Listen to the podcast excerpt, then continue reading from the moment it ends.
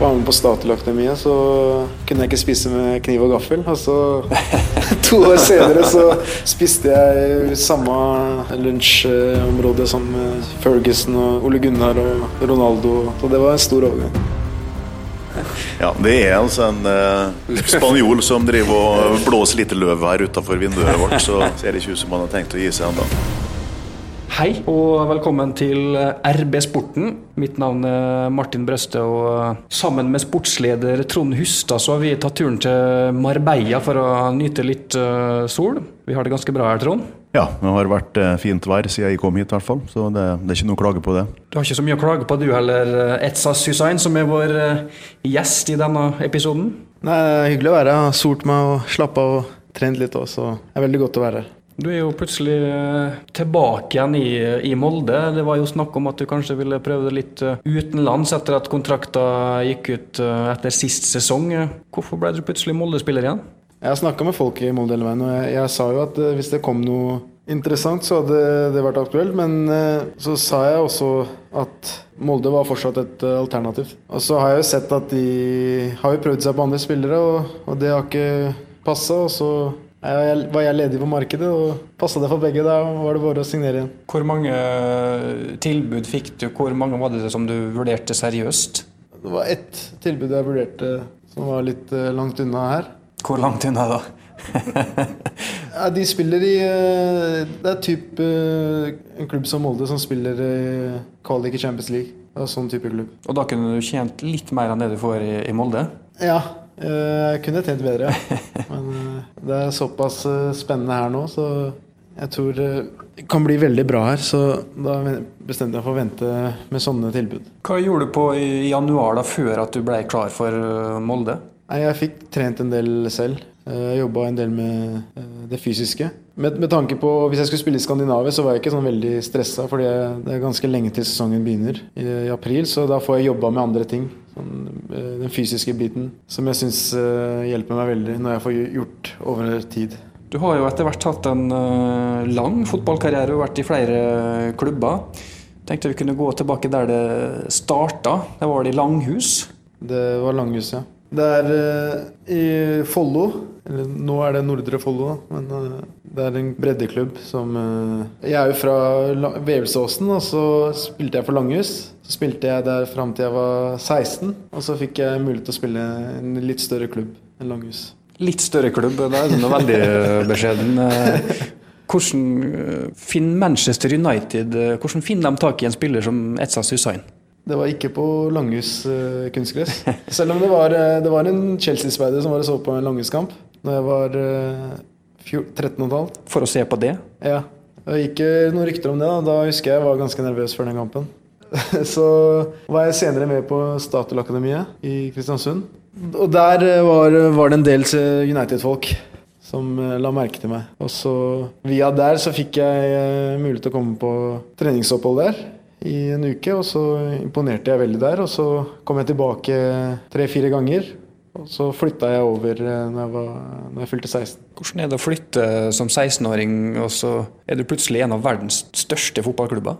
Nei, Det var en veldig stor overgang. Jeg husker når jeg var med på Statoil-akademiet, så kunne jeg ikke spise med kniv og gaffel. Og så to år senere så spiste jeg samme lunsjområde som eh, Ferguson og Sol Ole Gunnar og Ronaldo. Så det var en stor overgang. Du, nå er du inne på det, men altså, du må bare gjøre litt mer sånn eh, name-dropping. Det liker vi å høre.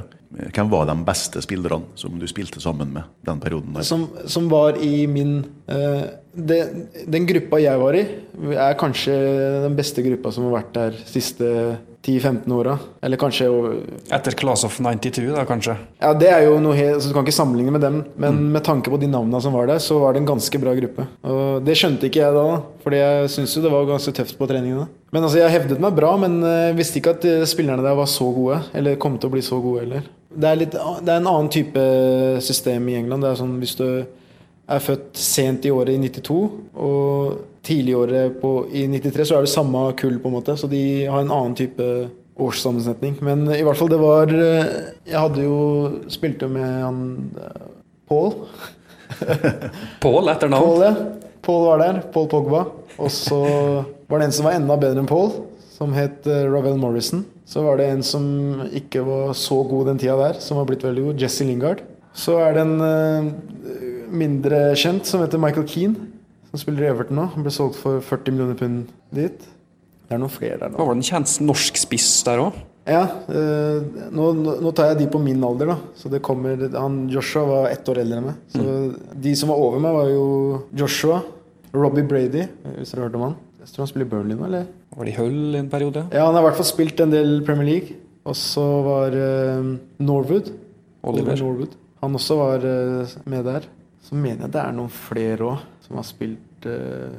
Du har i hvert fall ramsa opp en god del navn da, som de aller fleste fotballfans veit hvem er. Men hvem var den aller beste av disse her, da? Det var han Morrison. Det, For det var jo til og, med, Til og med sir Alex Ferguson omtalte jo han som uh, the next big thing. Ja, det er den beste fotballspilleren jeg har sett. Men den karrieren tok jo en litt uh, annen retning etter hvert. Ja, men uh, jeg kan kun snakke om talentet hans. Jeg tror ikke jeg kommer til å se noen bedre enn han. Altså, selvfølgelig, du har jo Messi og Ronaldo og sånn, men jeg snakker om uh, sånn rent talent. Som jeg har sett, så tror jeg ikke jeg kommer til å se det. Men det ble jo Altså, fikk du være med noe trene med de aller beste? For du var jo en ung kar på den tida der? Ja, det var dukka opp muligheten noen ganger når eh, Det er litt sånn som her òg, når eh, hvis A-laget har spilt match, og så er det trening dagen etter match, og så trenger vi å fylle opp med noen yngre. Så var jeg med noen ganger. Så det var ikke, var ikke sånn jevnlig, men det var noen ganger jeg har noen minner da jeg trente med de aller største. Og Da må du eh, ramse opp hvem var de beste United-spillerne du trente sammen med. Jeg kan si i hvert fall de spillerne som var der når jeg var der, var eh, seriøse spillere. en, eh, de, de, eh, det var virkelig United-spillere. Når jeg sier navn som Rooney, Ronaldo, TVs, Evra Det var jo kanskje en av de beste United-lag som var der da. A-laget. Så jeg var jo ganske heldig å få se Vi juniorer hadde jo mulighet til å se alle hjemmekampene, så vi fikk sett en del god fotball. Men når du er der um, i en sånn uh, lang periode, egentlig, i en sånn fase av karrieren din der du er i stor uh, utvikling, da, ser du et øyeblikk der en sjanse til at du kan bli så god at du får være med på dette øverste nivået der, eller innser du på et tidspunkt at uh, jeg kommer ikke til å bli god nok? Altså, jeg følte at det, det er en, altså når, når, de velger å investere i deg, som, og du er 16 år, og, så ser de et potensial i deg de ser at du kan bli eh, en United-spiller. Det er ofte de henter, hvert fall, Jeg vet ikke hvordan det fungerer nå, men da var det også at de henta spillere som kanskje ikke var den beste på landslaget da, eller beste på sitt lag da, men som de så et potensial i. Typ som Jesse Lingard, som aldri var en klar ener, men som eh, de så en veldig god fotballspiller i. Og som etter hvert som begynte å vokse og ser jo lite ut nå, men da var han jo sånn som tolvåring blant 16-17-åringer. Han er et veldig godt eksempel da, på en United-spiller som de har sånn veldig langtidsperspektiv med. Du kunne jo møtt uh, noen av dine tidligere lagkamerater faktisk her i Marbella i, i kamp. Hva tenker ja. du om at Molde ble litt sånn snytt for den uh, lille godbiten der? Nei, det var, det var, synd. Det hadde vært veldig gøy for uh, alle gutta. Få testa seg mot uh, United. Så det, det, var veldig Vi hadde sett frem til det, men så ble det dessverre avlyst. Men du som har vært United-spiller, for det så hadde det ikke vært noe big deal? Altså, big deal, Det, er, altså, det er en treningskamp, så det hadde vært gøy. Ja. Det hadde vært større hvis vi hadde møtt dem i Europaligaen eller uh, lignende. Og det er jo mulighet for det, hvis United skal kommer til Europa i hele tatt, da. Ja, så... Det er spørsmålet, ja, det, det får vi se. Men har du noe som helst kontakt med noen av disse som var i United da, på den tida der? Nei, altså Du ringer ikke opp Paul Pogba en fredagskveld for å snakke litt? Nei. Ja, vi hadde, hadde, veldig god kontakt med dem i starten, men så De er nok mer aktive enn det jeg er også på sosiale medier, så Hvis vi tar veien videre fra United, så kom det etter hvert til et punkt der du valgte å komme hjem til Norge igjen? Ja, jeg, jeg var i United i to år. Og eh, som sagt så var det en del konkurranse på midten der når jeg var der. Så, valgte, så var jeg også litt uh, utålmodig, veldig utålmodig den tida òg. Så jeg så jo folk på min alder som begynte å spille ganske mye Tippeligaen da. Og da så, prøvde jeg liksom å se skal jeg spille på reservelag her, dra på utlån? Eller skal jeg For jeg så at det var et stykke opp til eh, A-laget da. Og det var også en sammenheng med at uh, jeg savna å være i Norge. Sånn Sett i etterkant så burde jeg nok vært enda mer tålmodig. Jesse Lingard ble jo United-spiller, og jeg og Magnus spiller i Norge i dag. Og forskjellen er ikke så stor. Sånn type Magnus når han var det, var en veldig god Gjorde det veldig bra til tider på reservelaget. Jeg, jeg, jeg vet ikke hvor nærme han var, men eh, jeg tror ikke han var langt unna I hvert fall å debutere på A-laget. Så du angrer lite grann egentlig da, på at du forlot United såpass tidlig? Ja, det gjør jeg. Er det på en måte det du skulle ønske du kunne gjort litt opp igjen da i dag? Ja, eh, selvfølgelig. Og i hvert fall, det, det jeg angrer mest på, er at eh, i hvert fall nå i etterkant da, Jeg skjønte ikke hvor gode spillere jeg trente med da. At han ene skulle vært, være verdt én milliard. Og han, Rovel Morrison var jo den aller beste, men eh, det var jo generelt standarden her. Så det er jo mange Premier League-spillere der som har blitt Premier League-spillere og som spiller på et veldig bra nivå. Tror du at du kunne vært en del av den gruppa der, da? Ja, men jeg tror eh, typ, Sånn som Joshua har gjort. Han, eh, han valgte å være i England og tok fighten der. Og plutselig fikk han muligheten i Bournemouth. Og nå er han jo spilt i Premier League flere år, så det er, det er en kort vei da fra å lykkes til å ikke lykkes i det. Altså, det, noen, det er noen på det laget som jeg var i, som spiller i Premier League nå, og som har vunnet VM, og så er det noen som uh, jobber på flyplassen. Som kun, fort kunne ha vært altså det, er, det er veldig lite, det er små marginer da, i fotball. Du ser jo det i Europa. Vi møtte jo eh, Zenit f.eks. Det er små marginer som gjør at de kommer videre. Altså de, de har mer kvalitet av oss, men det er ikke så stor forskjell. Og det ser du også når vi møter eh, andredivisjonslag. Tredjedivisjon, altså plutselig så det blir Det er ikke en kjempelang vei, så det er veldig sånn små etapper fra bunnen til topp. Brattvåg og Stjørdals Blink kan slå Molde. Ja, så vi eh, undervurderer ikke. Vi kommer ikke til å undervurdere noen lag, vi, i starten i første rundene. Og så var det en, en svipptur innom Vålerenga etter at du kom hjem fra, fra United. Ja, jeg eh, ville jo hjem til eh, Da jeg først skulle komme hjem, så ville jeg til eh, Oslo. Og den perioden der så hadde Vålerenga gjort det ganske bra. Så kom jeg dit, og så var det Martin Andresen som henta meg. Og eh, det har jo vært eh, Jeg har hørt mye rart, da. Sånn hvorfor jeg dro og atferdsproblemer og jeg har hørt masse rart. Men eh, jeg dro jo dit for jeg skulle være med A-laget. Og så når A-laget skulle reise på treningsleir til La Manga, så ville han at jeg skulle bli igjen og spille juniorturnering. Og det syns jeg var feil, for jeg signerte for å være med A-laget. Og det var starten, og da ble det større problemer etter hvert. Og så bestemte begge parter seg for at det var best at jeg dro et annet sted. Så da signerte jeg for eh, Fredrikstad etter eh, tre måneder i Vålinga uten en offisiell kamp. Så var jeg i Fredrikstad ett og et halvt år ca. Der har jeg veldig gode minner. Og så kom jeg til Molde. Og der har du også veldig gode minner, for det gikk jo veldig bra med Molde i den perioden der, da. Ja, der har jeg de beste minnene mine i voksenlivet, vil jeg si, eh, fotballmessig. Jeg var heldig å få sikra meg seriegull med en gang etter eh, høsten 2012. Og så 2013 var eh, sleit vi litt i serien, men eh, vant cupen. Og så 14 vant vi the double. Og 15 var det Europaliga-eventyret, og så dro jeg til Tyrkia. Og i 15, apropos europaeventyr, så var jo du ganske sentral i at det ble Europaliga i det hele tatt i 2015. Hva husker du fra den kampen, eh, playoff-kampen borte mot Standard Liège? Nei, jeg husker at øh, det var veldig, veldig intenst publikum det var, føltes, det var veldig nærme banen. Det var en veldig intim stadion. Så jeg husker vi spillerne kjente litt på det òg. Det var veldig, eh, veldig trøkk. Og når de fikk 1-0-skåringa si, så merka jeg at uff, nå blir, det, nå blir en lang dag. Jeg husker i hvert fall eh, den kampen der veldig godt, fordi at de var på stadion eh, den kvelden der. Og det var jo et bra utgangspunkt for Molde, men det så veldig tøft ut en stund. Og jeg må innrømme at jeg hadde kanskje ikke veldig stor tro på dette her før du, Etsas, skårte et veldig fint, litt pussig mål.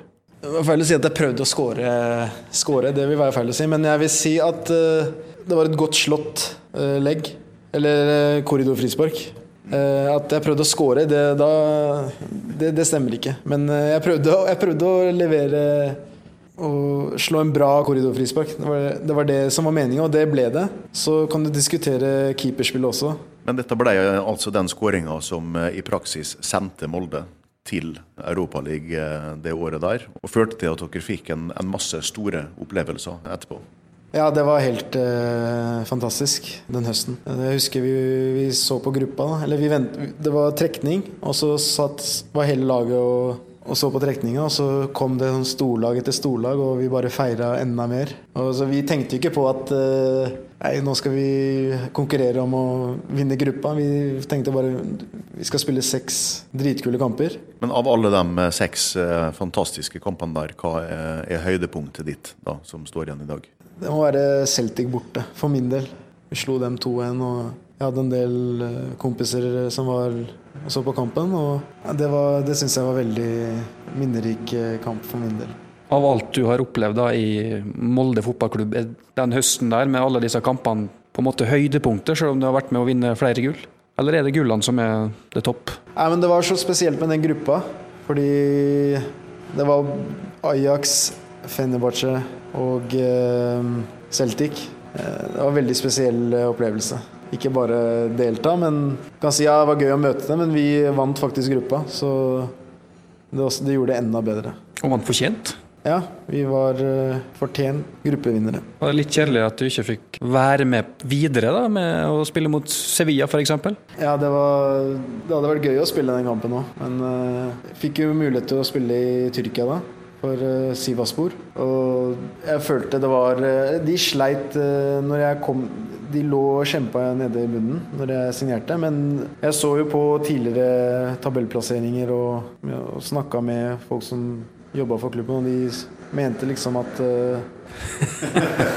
Ja, det er altså en spanjol som driver og blåser litt løv her utafor vinduet vårt, så ser det ikke ut som han har tenkt å gi seg ennå. Jeg tror vi bare får fortsette, gutta. Si litt mer om, om, Tyrkia. Det var vanligvis et lag som eh, det, Jeg også trodde at det var sånn at de hadde en dårlig periode nå, men at eh, de ikke kommer til å rykke ned. Det er vanligvis et veldig sånn stabilt lag i tyrkisk eh, toppserie. Og, men eh, dessverre for min del så rykka vi ned, og eh, det ble veldig lite spilletid også. Han treneren som henta meg, var eh, Det var faktisk treneren til Fredrik Gulbrandsen i dag. Han for Istanbul Basakshir. var han som henta meg. Og så hadde jeg han i tre kamper, så kom det en uh, Tom Nordli-type, en tyrkisk uh, Tom Nordli-type redningsmann, som var kjent for å være mm. redningsmann der, og skulle stramme opp på disiplin og fullt trøkk. Uh, da var det andre spillere som gjorde en bedre jobb enn meg den tida der. Så da fikk jeg ikke spille så mye under han, men det funka ikke så bra selv om han kom. Så vi rykka ned. Før jeg dro til Tyrkia, så var det også interesse fra et annet lag. Astana som hadde spilt i Champions League det året, når vi var i Europaligaen. De ville hente meg. Og de ville også hente meg i sommer.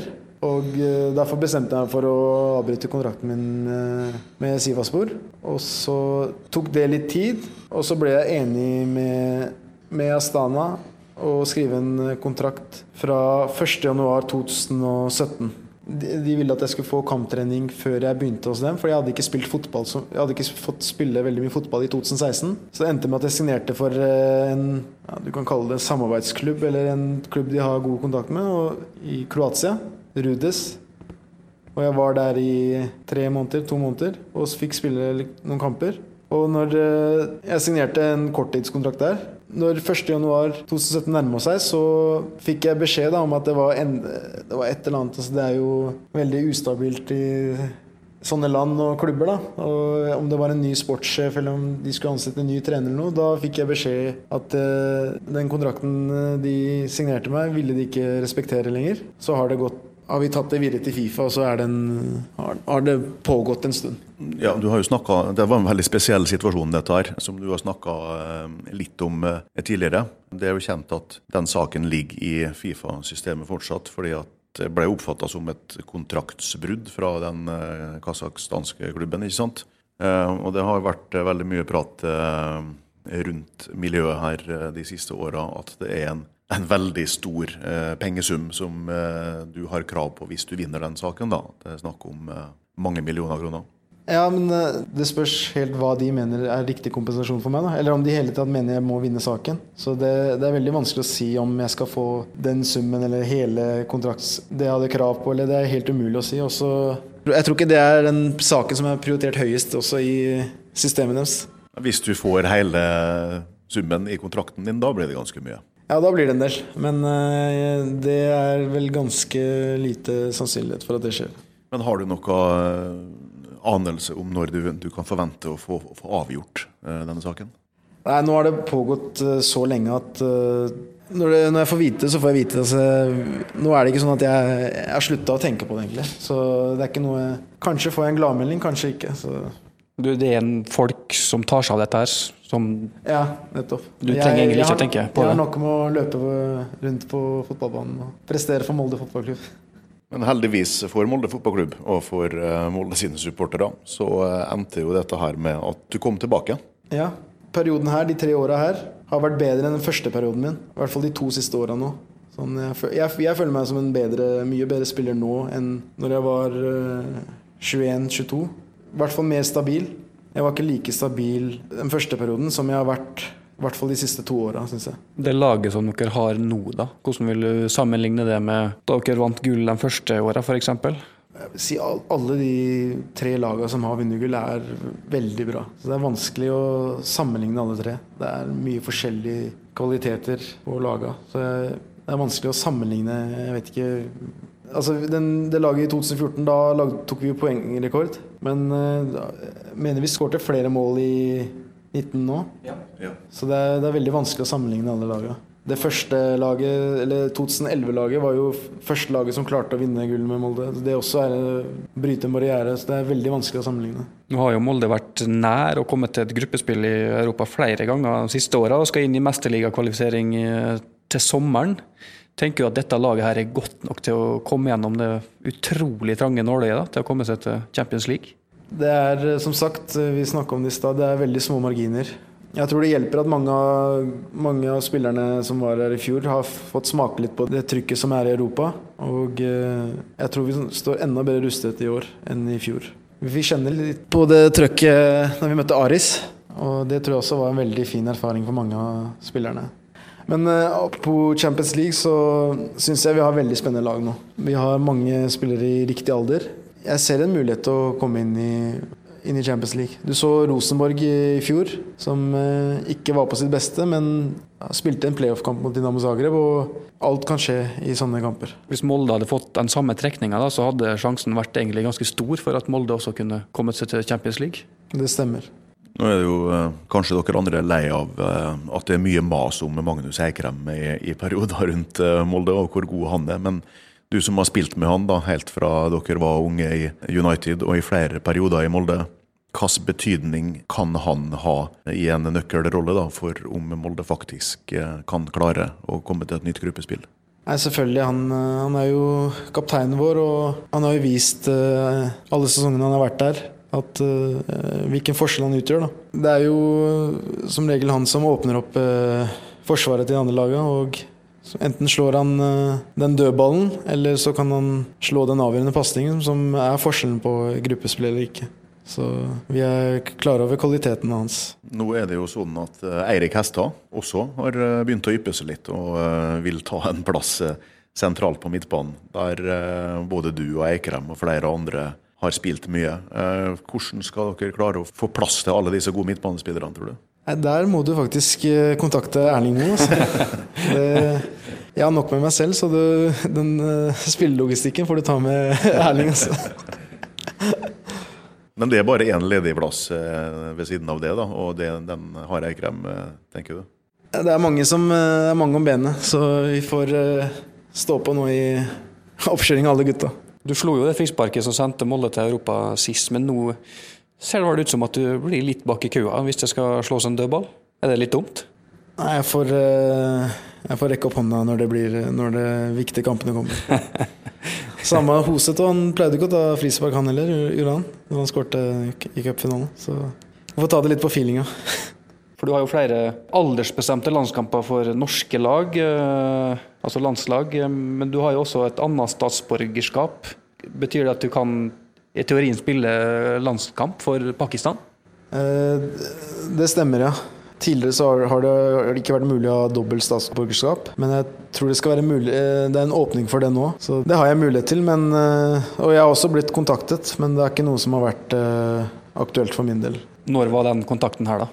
Det har vært eh, to-tre ganger i løpet av karrieren min, men eh, det har ikke vært nok Det opplegget er ikke profesjonelt nok for å takke ja. Så hvis det hadde blitt en satsing der med tanke på landslag, så hadde jeg nok vurdert det. Men uh, så har jeg så Når du spiller på det beste laget i Norge og har mulighet til å komme i Champions League, så har du, så har du mulighet til å spille på norske landslag òg. Selv om det er uh, veldig trangt om plassen der, så må du ha, ha noen drømmer, da. Men du drømmer om å spille på det norske landslaget? Ja, jeg har ambisjoner om det. Det er et mål? Det er et mål, ja. Hvor langt eller nærme tenker du at du er det, da? Jeg tror eh, hvis du kommer inn f.eks. inn i Champions League med Molde og gjør det bra der, så spiller du på riktig nivå i hvert fall. Så de kan ikke ta deg på det da. Men selvfølgelig det er eh, klassespillere på midtbanen, så jeg er klar over konkurransen. Og Lars Lagerbäck har jo ikke vært veldig glad i å plukke ut folk fra norske eliteserie heller, da, i, i troppen? Nei, det var sikkert noen eh, på laget vårt som fordelte Eller Ruben ble jo tatt ut, men sikkert flere som kunne blitt I hvert fall vært med i en tropp og fått kjent litt på det. Så ser de oss eh, mot internasjonal motstand, og da, hvis du spiller bra da, så da kan de ikke bruke noe annet. Men du har ikke mål om å spille EM i 2020? Nei, det, det er nok VM 2022, er det det som er planen? Nei, Jeg vet ikke hva planen er, men eh, jeg har som mål å komme inn på landslaget. Så det er i hvert fall noe jeg jobber med. Og det er eh, andre mål òg. Å vinne serien igjen i, i år og komme til Champions League og i Europa. Så det er mange mål å sette seg. Det er vel egentlig en god uh, måte å avslutte denne spesialpodkasten på, her fra Marbella. Og da takker vi for oss, og så kommer det snart en ny episode av RB Sporten. Takk for uh, invitasjonen.